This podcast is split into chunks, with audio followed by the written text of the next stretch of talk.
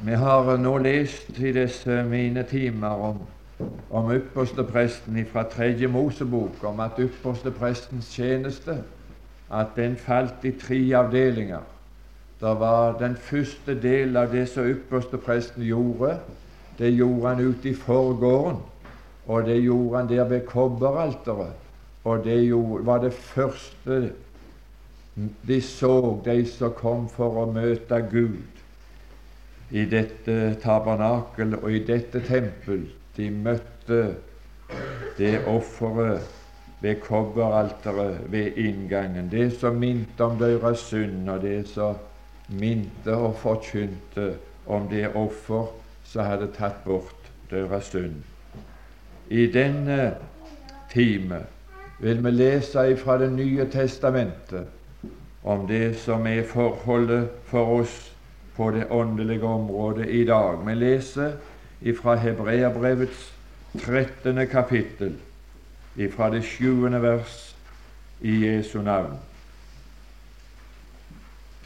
Kom i hu, eders veiledere som har talt Guds ord til eder. Gi akt på utgangen av deres ferd, og efterfølg så deres tro.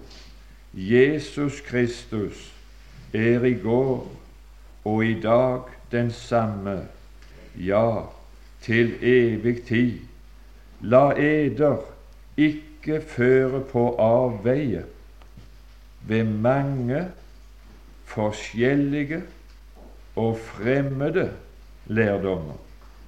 For det er godt at hjertet blir styrket ved nåden, ikke ved mat, som ikke har gagnet dem som gav seg av dermed.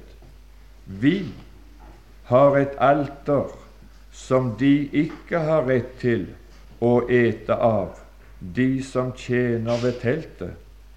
For de dyr hvis blod bæres inn i helligdommen ved ypperste presten til å sone for synd. Deres kropper brennes opp utenfor leiren.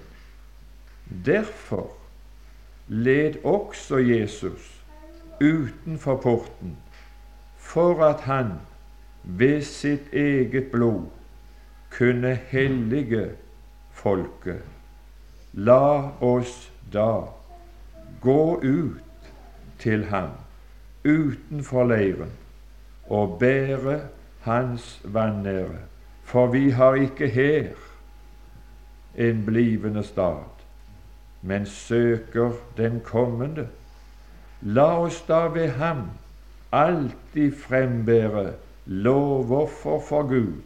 Det er frukt av leper som lover Hans navn. Men glem ikke å gjøre godt og dele med andre, for slike offer tekkes Gud.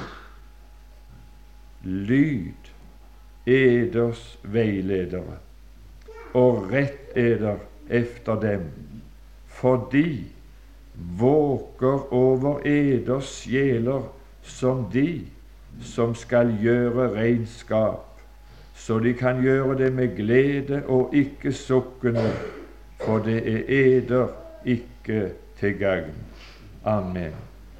Fader i Kristus Jesus, vi er igjen samla her for ditt åsyn, utelukkende i den hensikt å la oss veilede av de veiledere du har gitt oss til å veilede oss, så at vi ikke skal bli ledet vil og komme på villspor. Vi ber om Herre Jesus, når vi er samla her nå, unge og eldre, la det bli til glede for himmelen at vi ble samla her og ble leda slik som du ville la oss lede. Og jeg ber om la ingen, la ingen altså unngå å kjenne den, den ledelse som de blir gjenstand for ifra himmelen. Vi ber i ditt dyrebare navn. Amen.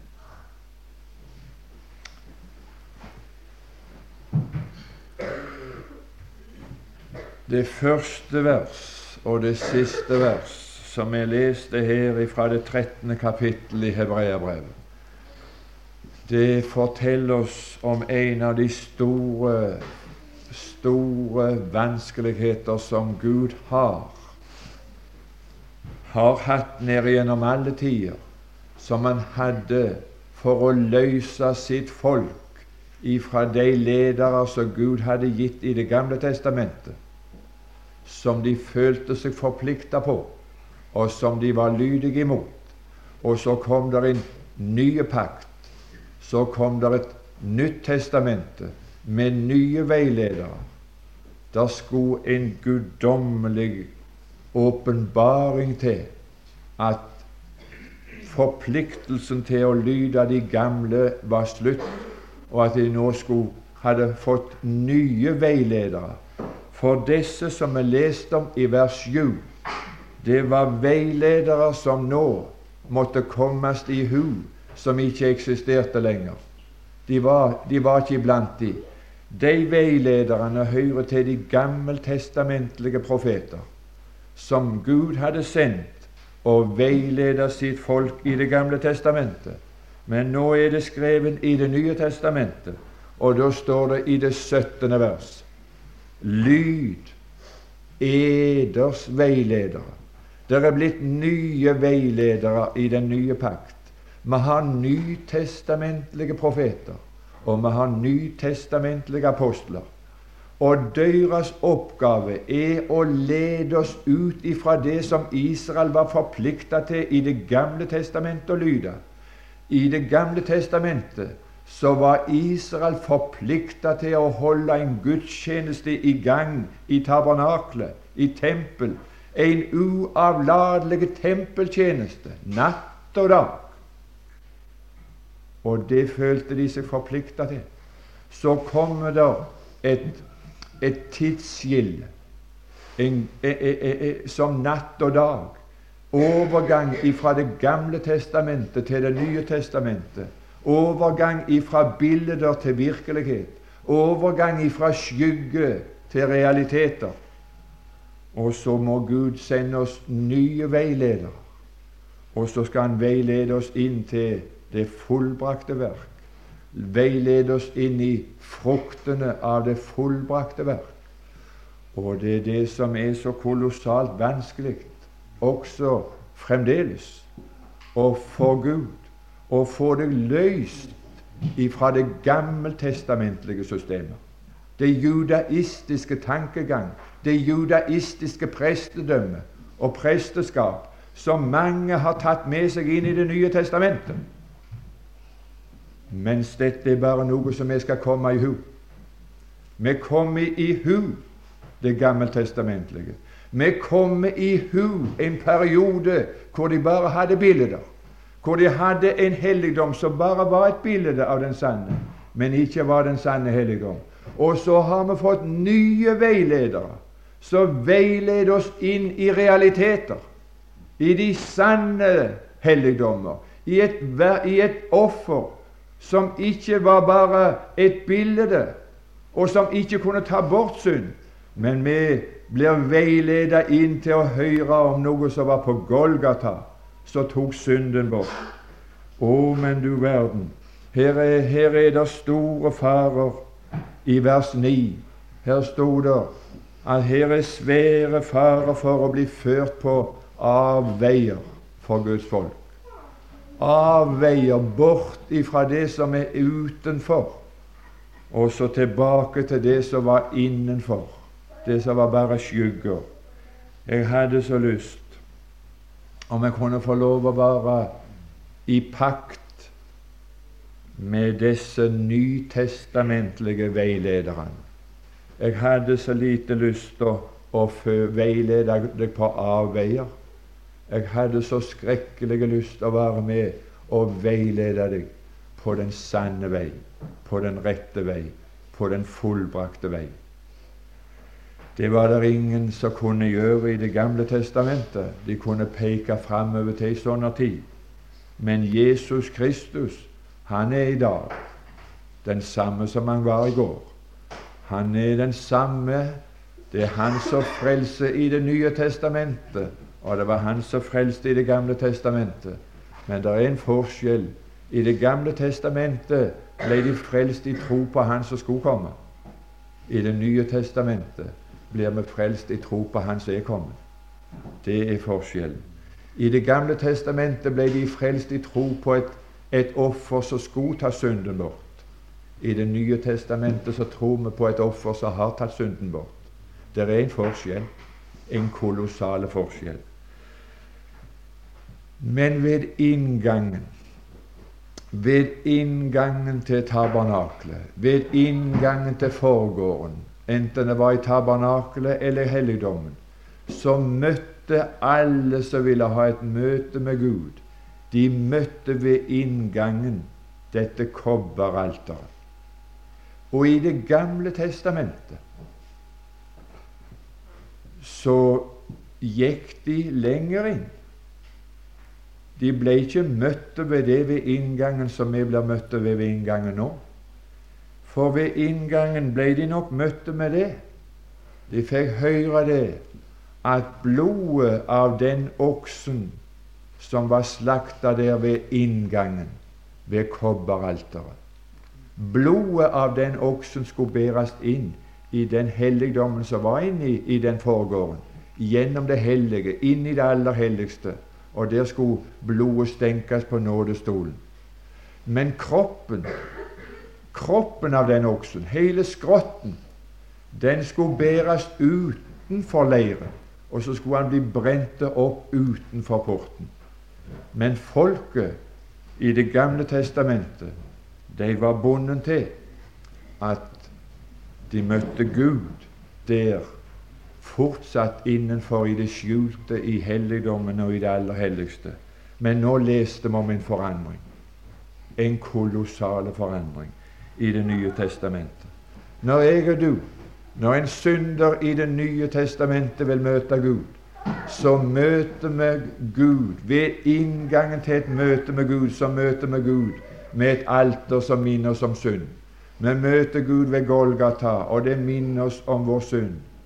Men samtidig så minner Golgata oss om at Kristi blodsutgytelse det har tatt synden bort. Så vi møter Gud med en velsignelse. Han velsigner oss når vi møter Gud ved Golgata. Han, han, trenger, han trenger ikke lyse noen forbannelse. For hvis jeg ikke hadde møtt Gud ved Golgata, så ville det bli en forbannelse for forbannet er hver den som ikke blir ved i alt det som loven sier. Og det, ikke, det var ikke vanskelig for meg å forestille meg at jeg hadde møtt en forbannelse fra Gud. Men når jeg møter Gud der, ved kobberalteret, ved at dommen over min synd er eksekvert i en stedfortreder, så møter jeg Gud, og Gud velsigner meg for Jesus skyld. Men der ved inngangen, når Gud velsigna meg, når jeg tenkte meg inn til et møte med Gud gjennom, gjennom den porten der, slik som de hadde i Det gamle testamentet Når jeg skal møte Gud ved kobberalteret, så kunne en ha lyst til å gå videre inn gjennom det. Men vet du hva vi hører ved inngangen til dette møtet med Gud? Så får en høre disse ordene La oss da gå ut. Ikke inn. La oss da gå ut. For Jesus gikk ut. Han gikk ikke inn. Han gikk ikke inn i en helligdom som var gjort med hender. Men fordi, står det, fordi at kroppen av deres, deres offer, hvis blod bæres inn i helligdommen til soning for synd. Deres kropper brennes opp utenfor leiren. Derfor led også Jesus utenfor leiren for at han ved sitt eget blod Jesu blod ble ikke båren inn i tempelet. Jesu blod ble ikke båren inn i en helligdom her i denne verden. Men Jesu blod, som gjorde soning for våre synder, han gikk, han gikk inn i selve himmelen med sitt eget blod. Og hans kropp ble ikke brent opp der i jødedommen, i det judaistiske system, men utenfor. Derfor led også Jesus utenfor det judaistiske system, utenfor tempelet, utenfor den jødiske gudstjeneste, utenfor det jødiske prestedømmet, utenfor hele systemet. Han ble brent opp der på Golgata. Og den som nå vil komme i samfunn med Jesus og leve sammen med Jesus, han må ikke gå inn i det judaistiske. Han må gå ut. La oss da gå ut til ham utenfor leiren. Utenfor leiren. Du store min, hvem var det vi prøvde å bare påkalle oppmerksom på? Hvem som var innenfor leiren, og hvem som ble plassert utenfor? Det var så snart et menneske oppdaget at han hadde fått en flekk, og det ble konstatert det var spedalskhet, så var det ut med han. Han ble urein. Innenfor leiren der var bare plass for de reine. Utenfor leiren plasserte de alle som var ureine. Og når Jesus som syndoffer og han som hadde Guds velbehag, han som ikke visste av synd, han som aldri hadde, det hadde vært noen ting til å drive utenfor, så ble han gjort til synd for oss. Så var det ut med han, bort med denne, korsfest han. Og hver den som henger på et tre, han er under forbannelse. Forbannet er hver den som henger på et tre. Å, men Jesus, han ble som den urene. Han ble som den urene. De drev han ut. Ut med han, bort med han, bort ifra oss. Fariseerne de, de, kunne ikke, de kunne ikke engang gå inn der for at de ikke skulle bli ureine og gjøre seg ureine. Å, men de trodde Nei, når vi skal møte Gud, så møter vi Jesus, og så sier han Når du møter meg med Golgata, så må du møte meg utenfor. Jeg skal lese et vers for deg fra profeten Esaias, det 64. kapittel og det femte vers. Esaias 4,65. Der står Vi ble som den urene alle sammen. Det står der. Det var en forferdelig dag for den som hadde sett en liten flekk her eller en annen plass under skjorta eller en plass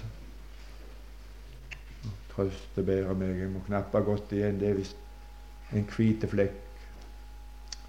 Og så kunne han ikke skjules, og så måtte han gå til presten eller til, til doktoren. Så blir det konstatert spedalskhet. Du er urein. Og for en vanære. Spedalsk. Spedalsk. Ut med han. Utenfor. Ingen kunne ha samfunn med han mer. Ingen kunne være i nærheten av han mer. Skilt ifra alle sine. Ut med han utenfor. Utenfor leiren. Og her står det noe. Vi ble som den urene, alle sammen. All vår rettferdighet er som et skjete klesplagg. Det er ingen mulighet å møte Gud det er ingen mulighet å møte Gud. Dette står ved inngangen. Du blir minnet om din synd. Du blir minnet også om Golgata. Tar synden bort. Men skal du ha samfunn, et forblivende samfunn med Gud, så må det bli der utenfor at du er uren. Du kan ikke gå inn i leiren, for du er ikke ren. Du er ikke reine fordi du er frelst av nåde. vi ble som den urene. La oss da gå ut til ham utenfor leiren. Så skal du få lov å få stifte bekjentskap med noe som heter noe som du må bære, og som alle de må bære som i dag hører Herren til, som er frelst, som er sanne frelste mennesker. Det er ingen i dag uten de har tatt imot Jesus. Men tar du imot Jesus i dag, så må du gå ut til ham, for han er utenfor. Han er utenfor. Han er ikke innenfor. Han er ikke blant de rene. Han er ikke blant de som tror de har et samfunn med rene, vask av våre hender, og vi har alt slags som må holde oss rene. Det er bare noen få som er ureine. Jesus er som den ureine, plassert utenfor. Jeg vet ikke om jeg kan få si det, men nå vil jeg lese noe. Noe som er, som er sjelesørgersk. Noe som, som kan gi deg den nødvendige frimodighet for å pleie samfunn med Jesus når du erfarer, når du opplever, når du registrerer. Jeg er jo utenfor. Men utenfor, der er jeg i sammen med Jesus. For han òg er utenfor. Og nå skal du få kjenne hva Jesus bar når han var utenfor. Og der skal du få kjenne hva alle de bærer i denne verden som er i selskap med Jesus. La oss da gå ut til ham utenfor leiren og bære hans vanære. Jeg kjenner ingenting som påførte Jesus slik vanære som det at han ble hengt på et tre. Å, for en vanære for Jesus å bli, å bli korsfesta. For den som henger på et tre, han er så vanæra så det går an å vanære et menneske. Forbannet er hver den som henger på et tre. Og når jeg leste Salme 22 for første gang Ikke for første gang at jeg leste den, men at jeg leste Salme 22 og registrerte for første gang hva det, hva det sto, så registrerte jeg at det måtte være toppen av vanære, det som, de opp, som Jesus måtte oppleve, å være spikra til et tre, og med hender og med føtter. Det var det var ikke en ting han kunne gjøre for å forandre på situasjonen. Og vet du hvordan de gjorde når han hang der? De korsfesta han naken. Det er ikke slik som de har gjort det med bilder, at de har forsøkt å skjult noe av hans nakenhet. Men de vanner han på den mest grufulle måten som de går an i denne verden. De ser opp til meg med lyst, sa han. Det, det, det, er det mest uhyggelige som har foregått i denne verden. Tenk den hellige Gud vanære på en sådan uhyggelig måte. For, for, for, for, en dag, for et sted. Han ble brent. Han ble brent opp i levende livet. For en lidelse. Og hva da ditt hjerte led? Ja, Det kan jeg aldri sette meg inn i. Men jeg skal få lov å prøve å kalle på din oppmerksomhet i formiddag at alle de som tar samfunn med Jesus, de som møter Gud ved Golgata, de som blir minnet om sin synd, de som blir minnet om at Jesu grufulle død på Golgata tok synden bort ifra mi sjel. Romerbrevet. Nå skal du få høre noe av den vanæra som vi bærer. La oss da gå ut til ham utenfor leiren og bære hans vanære. For den vanære som var så Jesus bar, det er min vanære. Jeg kan ikke ta samfunn med Jesus utenfor leiren. Jeg kan ikke være i nærheten av Kristi kors og være en troende uten at jeg er i selskap med den røveren som ble frelst på Golgata. Og den røveren som ble frelst på Golgata, han sa vi jeg og vi, vi lider med rette. Vi får igjen det vi har fortjent. Det vi har fortjent en sånn skam. Det, det, det, vi får igjen etter fortjeneste. Men han, jeg tror på Jesus. Jeg tror at han som henger her, han har ikke gjort noe galt, sa.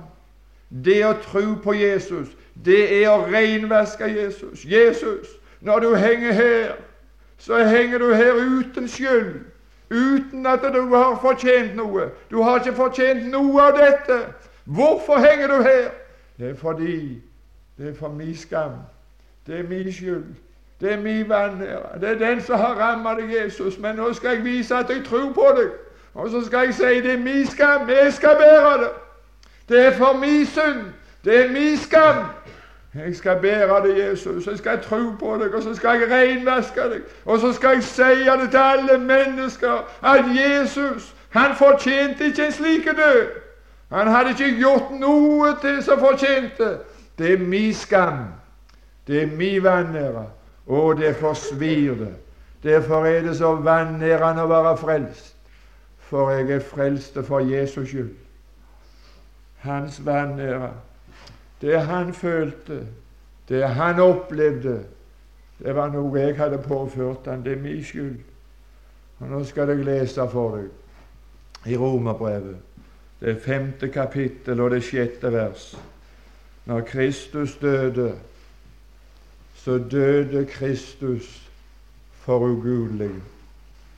Det er den vanære jeg ikke bar. Vi synger en sang da jeg en ugudelig vorden var. Jeg skal få lov å fortelle deg jeg ber ei vanære.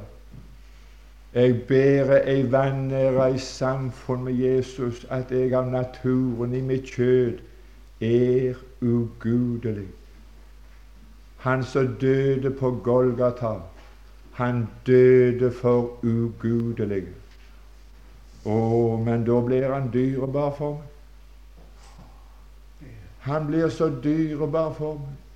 Når jeg kjenner at jeg er en ugudelig, så ser jeg der at jeg er i selskap med en som døde for ugudelige. Men så vanærende det er for meg å være ugudelig. Vet du hva de er inne i leiren? Ingen vanære der. De er gudelige der. De, de forsøker iallfall å skjule sin ugudelighet. De er åpenbare, de er så gudfryktige. De ber lange bønner i timevis. Og de er så gudfryktige at det dryper av dem. De er overåndelige. Men der utenfor leiren, der har jeg avkledd meg alt i ytre staffasje. Og så har jeg erkjent troen på Jesus. Jesus, jeg skal velsigne deg fordi jeg kom i selskap med deg. At når du døde, så døde du for sånne ugudelige som jeg er. Det var ikke en ugudelighet som jeg en gang hadde, bare. Men det er en ugudelighet som er i mitt kjød ugudelig. Jeg kan ikke gjøre meg gudelig. Jeg kan nok prøve å ta på noe. Men det er bare farisisme. Vet du hva farisisme er? Det er å kalke opp det ytre, men innvortes er det dødningebed. Og hvis jeg skal avlegge et personlig vitnesbyrd, så kan jeg nok se ut som en blankpussa fariseer for de som ser meg. Og de som hører på meg, og det er voldsomt så gudelig han Arnold Bjerkreim er. Og hvis du skulle etterlegge meg et slikt vitnesbyrd noen plass, så var det iallfall falskt. Så var det ikke ærlig. Men jeg skal avlegge et personlig vitnesbyrd, så skal jeg si hva det er innvortes. Hadde Ronger vært ute Hvis det hadde vært det som er innvortes, som hadde vært ute, så hadde du sagt nei, for en ugudelig mann det å, det er så mye ugudelig i min natur, i mitt kjød. Og det som har gjort at jeg er kommet i selskap med Jesus, det er at han døde for sånne ugudelige. Han døde for ugudelige, og denne vanære var ikke noe jeg en gang bar. Men jeg bærer vanæren av å være en ugudelig. Jeg som vil så gjerne være gudelig, har en natur som er ugudelig. Jeg som ville så gjerne kunne be gudelig, og så ber jeg så ugudelig. Jeg vet ikke hvorledes det er med deg, men jeg ber ei vanære. Jeg ber ei vanære i denne verden. At jeg er ikke slik som jeg hadde lyst til å være. Og den som har vist meg det, det var når jeg kom i selskap med Han. Han har ikke gjort noe galt. Men hva har jeg gjort? Jeg hører det bare fortiden til. Han i viss munn aldri var svik. Hvorledes er det med deg? Å, jeg er, jeg er bare en ugudelig jeg ikke, Det hører ikke fortiden til. Men jeg er slik. Jeg bærer denne vanære. Men du verden, jeg er i selskap med Jesus. Jeg er ikke inne i en leir, i et system, et religiøst system som innbiller andre folk at jeg er så, så gudelig og har æren i behold. Nei, jeg, er, jeg fattast ære. Men den ære jeg har fått, den har jeg fått uforskyldt. De rettferdiggjøres uforskyldt av Hans nåde ved forløsningen i Kristus Jesus. Ja, det, det, er noe, det. Det er noe til venner. Det er noe Vet du hva det står i Matteus 11? Det er sjuende kapittel, og det ellevte vers.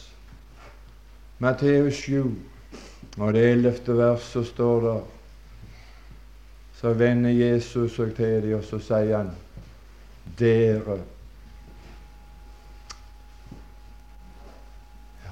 Når dere som var vonde Sier han det?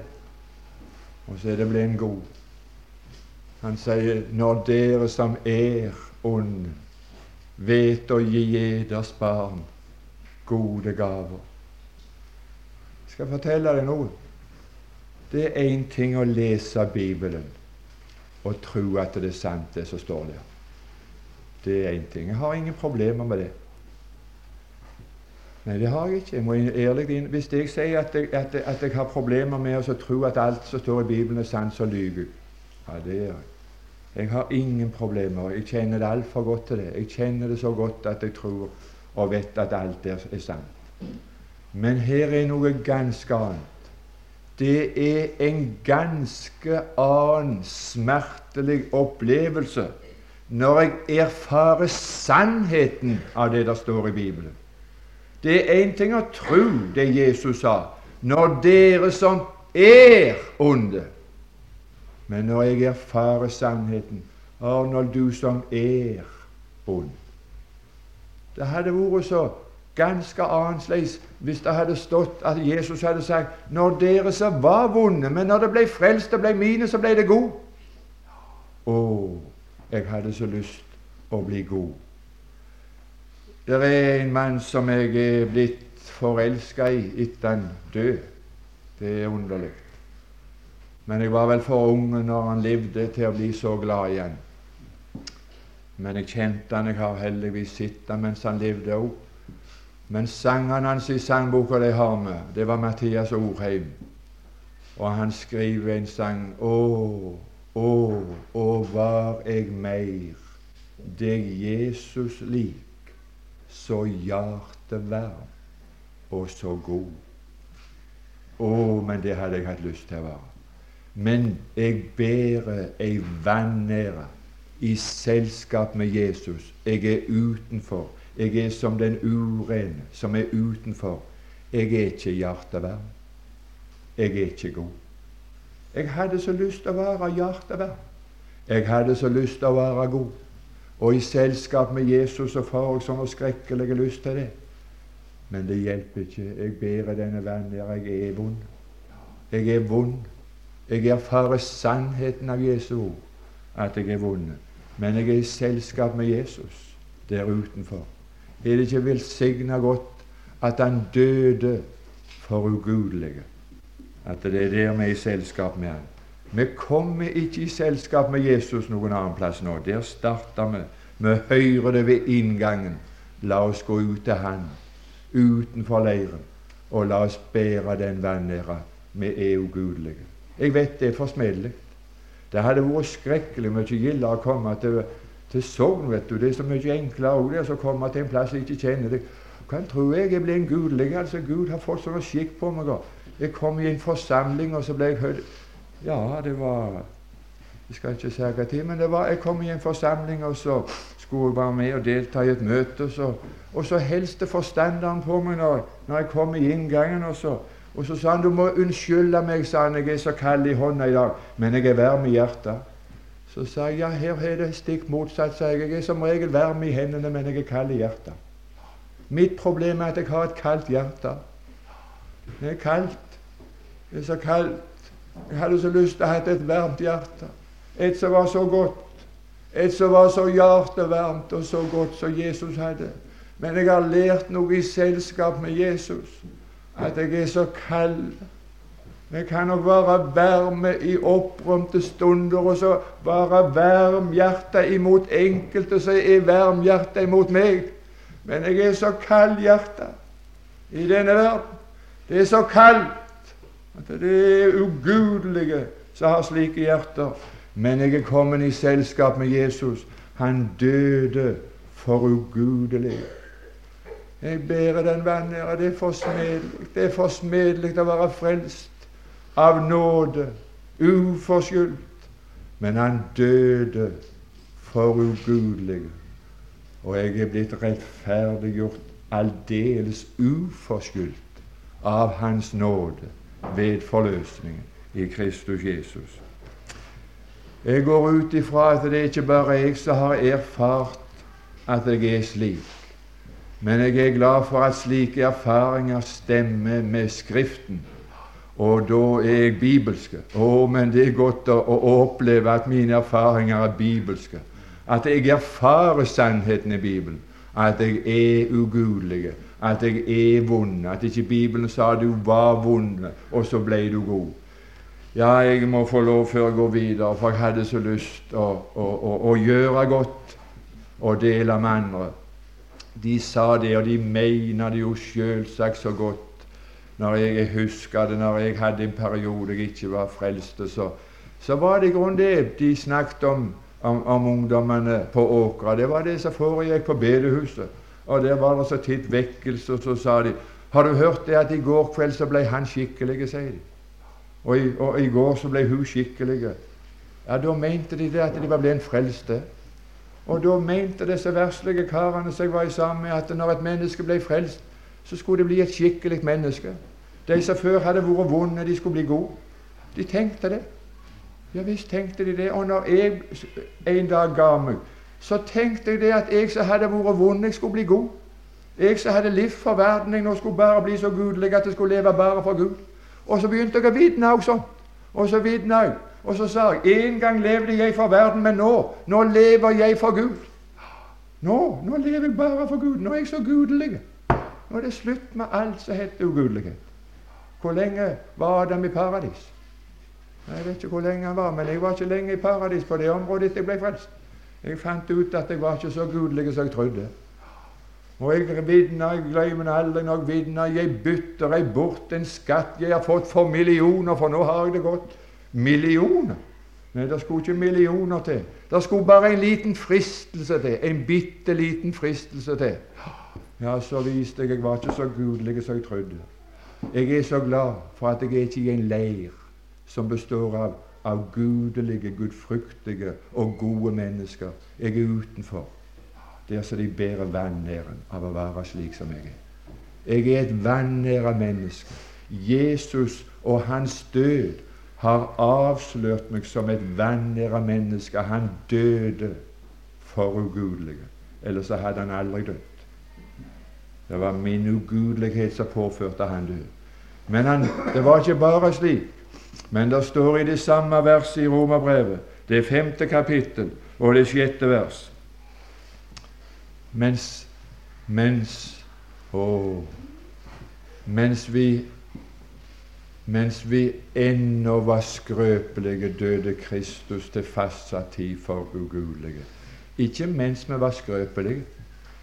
Det hadde jo vært storart av det. Men vet du hva det står? Mens vi ennå var skrøpelig. Hva ligger der, tror du, av det ordet 'ennå'? Å, men der ligger mye erfaringer der. Når du har trygla, når du har prøvd, etter gjentatte forsøk så kommer du til en enda skrøpelig. Det var ikke bare det at du begynte skrøpelig. Så skal det nok bli bedre i morgen. Og så setter du det på prøve. Og så i morgen skal det bli bedre, altså. Men så enda skrøpelig. Ja, men neste år Det må jo bli bedre med tida. Enda skrøpelig. Er det noen som har gjort den erfaring at du ennå er skrøpelig om du har levd til Gud mange år? Enda skrøpelig. Det er én ting at han døde for skrøpelige, men tenk han kan ha dødd for de som ennå er skrøpelige, etter gjentatte forsøk, etter alle forsøk, når de har satsa alt på ett brett. Nå eller aldri! Nå må det være slutt på min skrøpelighet. Ennå skrøpelig. Å, Kristus døde for oss mens vi ennå var skrøpelige. Det er der vi har samfunn med Jesus, for det er der han er. Det er bare der utenfor. Der de er ennå skrøpelige. Det er der han er. Å, la oss gå ut til ham, utenfor leiren. Dette som jeg nå sier, dette var noe alle skulle møte ved inngangen til Gud. Du skulle slippe å vente med å få høre det. Men der ved inngangen, der du blir minnet om at du er en synder, der du blir minnet om Golgata, som har tatt synden bort. Han har ikke bare tatt synden bort, men han døde for deg mens du er en ugudelig i din natur, og den kan ikke forandres. Kjødets natur blir aldri gudelig, og skrøpeligheten din den vil fremdeles bli skrøpelig mens du ennå er skrøpelig. Du kommer aldri til å bli noe annet enn skrøpelig. Og Derfor vil jeg helst rose meg av min skrøpelighet, sa Paulus. Og du har så lyst til å bli kvitt din skrøpelighet. Men der utenfor leiren, å, der møtes vi. Gå ut. Gå ut til ham utenfor leiren og ber den vanæren at du er skrøpelig. Og du kommer aldri til å bli noe annet enn skrøpelig. Jeg vil bare rose meg av min skrøpelighet. Det var en ordfører på Åkra som ble frelst i alderdommen. Han hadde vært ordfører, jeg hadde vært sammen med han som ordfører i formannskapet i Åkra kommune i åtte år. Han ble frelst i 80-årsalderen. Det er et mirakel, altså, hva som kan skje. Og han hadde vært en av de store i Arbeiderpartiet, regjeringen Gerhardsens regjeringstid, så hadde han vært rådgiver for Gerhardsen i fiskerispørsmål så i hele hans periode. Så det var litt av en gubbe. Og så glemmer jeg aldri når jeg hørte han reiste seg opp på Åkra bedehus og vitna for første gang. Jeg holdt på få sjokk. Jeg hadde aldri hørt gjete det i det hele tatt, at han var kommet til liv i Gud.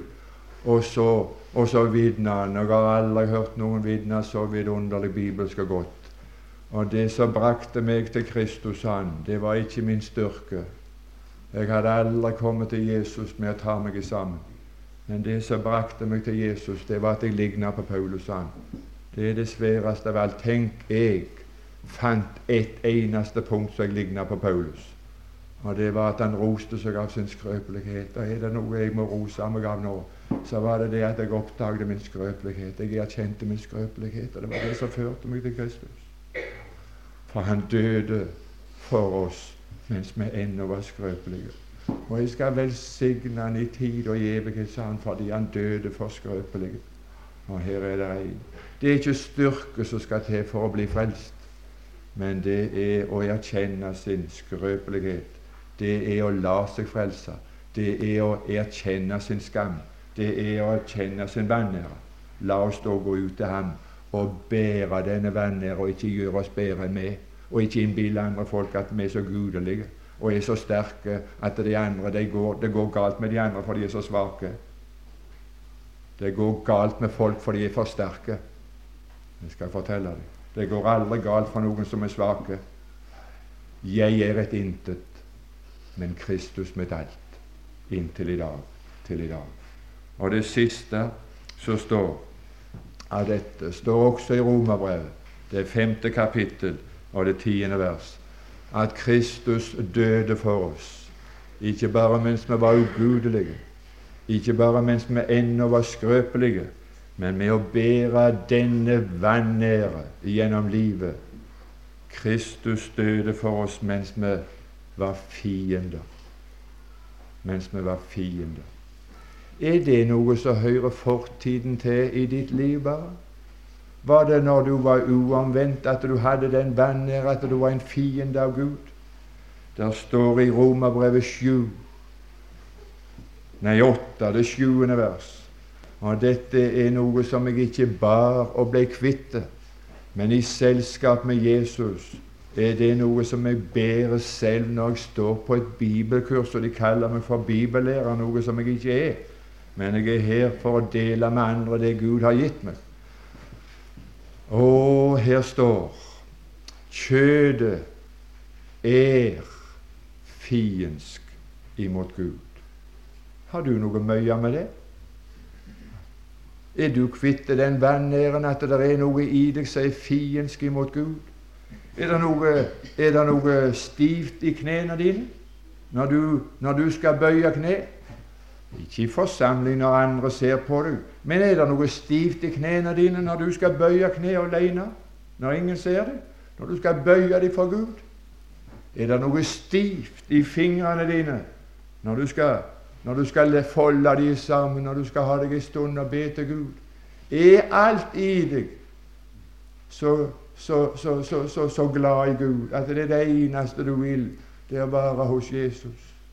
Tror du det hadde vært så få på bibelkurs av de troende da, hvis det var slik? Jeg skal fortelle deg grunnen hvorfor at Bibelen er så lite brukt.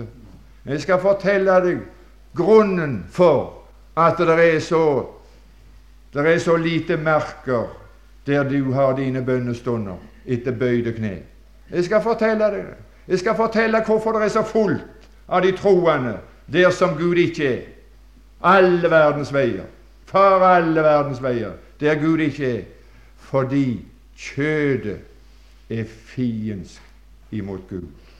Å, men jeg er takknemlig for at der utenfor leiren der er jeg i samfunn med en Kristus som døde for oss mens vi var fiender. Ja, jeg må innrømme det. Det var en kapitulasjon. Jeg har forlikt meg med Gud, men mitt kjød, det får jeg aldri til å bli forandra. Men det jeg har fått Jeg skal lese noe. Jeg skal lese noe for deg ifra, ifra første Peters brev. Andre Peters brev. Kanskje det kunne hjelpe i de siste minuttene nå. Andre Peters brev, første kapittel. Der står Han har gitt oss de største og dyreste løfter for at vi ved dem skulle få del i guddommelig natur i det flyr bort fra fordervelsen i verden som kommer av lysten. Jeg hadde så lyst til å opplyse deg om at for dette, dette er nødvendig å få, få rede på i denne forvirrende tid. Jeg har ikke ved å bli frelst fått bare guddommelig natur.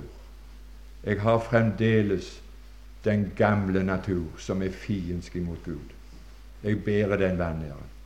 Men det jeg opplevde når jeg ble frelst, så fikk jeg ikke guddommelig natur, men jeg fikk del i guddommelig natur.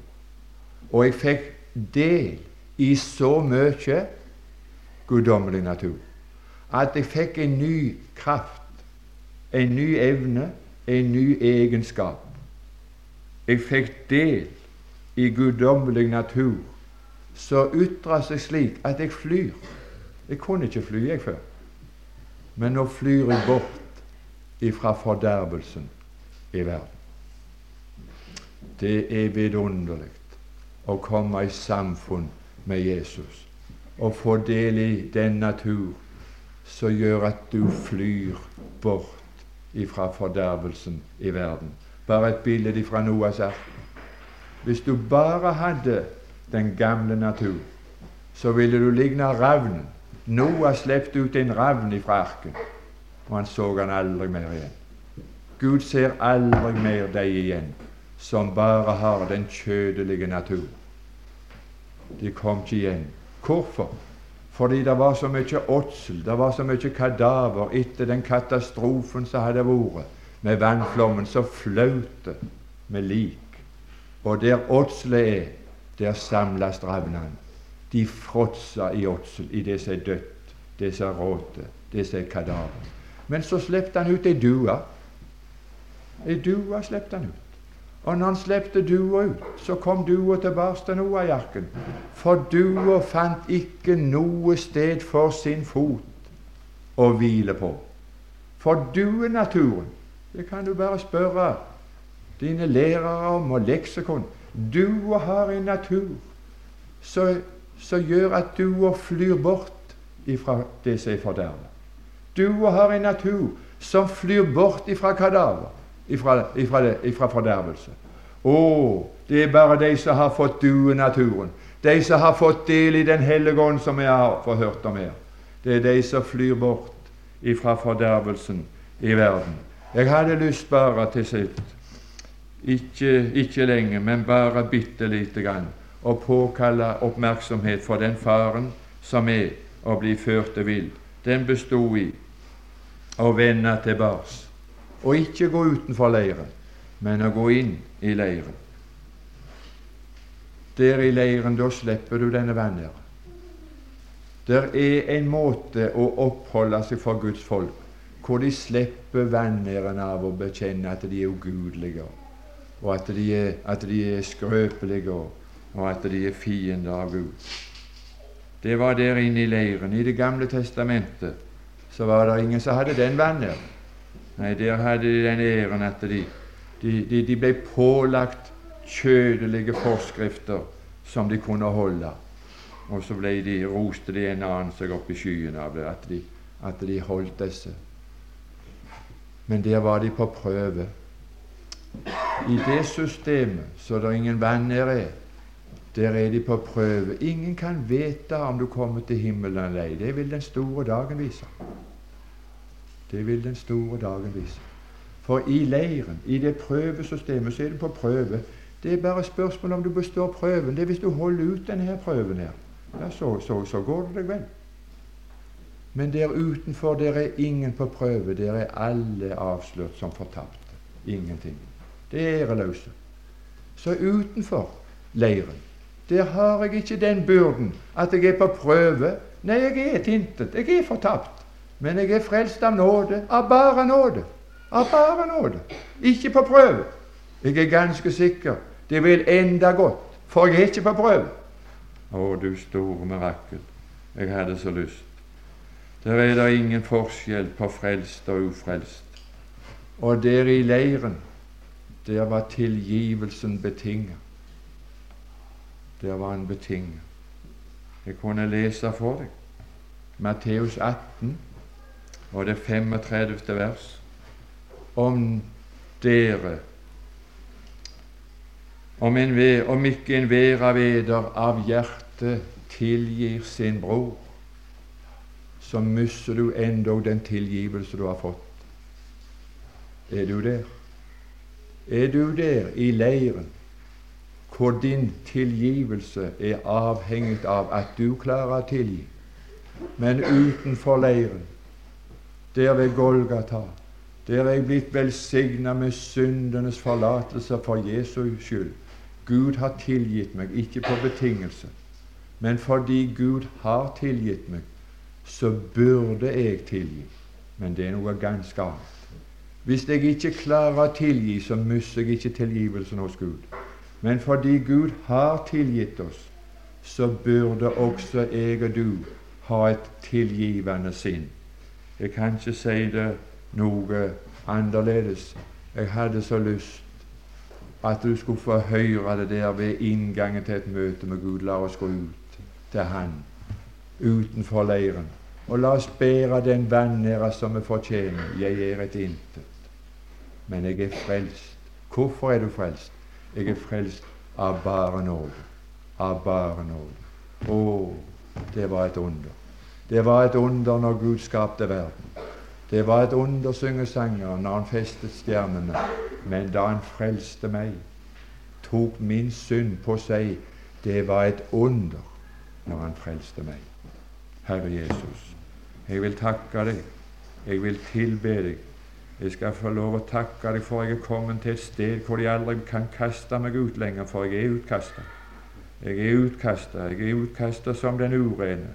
Og der fant jeg deg som var i samfunn med de urene. Det er ingen som kan kaste meg lenger. Og du gikk der jeg var. Du søkte meg opp, og der har du samfunn med de som var fortapt. Og ikke bare de som var fortapt, men der har du samfunn med de som var skrøpelige. Men der har du samfunn med de som ennå er skrøpelige, som ikke blir annerledes. Herre Jesus. Det er ingen som kan kaste meg ut fordi jeg ikke blir sterk. Du har samfunn med meg i min skrøpelighet, i min svakhet. Der utenfor, der ingen har bruk for oss, der har du bruk for oss. Der er du. Å, jeg skal prise deg at natten aldri kan bli så mørk at ikke du er der. At det aldri kan bli så ensomt at ikke du er der. Herre Jesus, vi vil tilbe deg, vi vil takke deg, vi vil prise deg, og vi vil, vi vil opphøye ditt navn, og vi vil fortelle om din godhet til hverandre og gjøre godt for hverandre. Velsign dagen fortsatt til ære for ditt navn. Amen.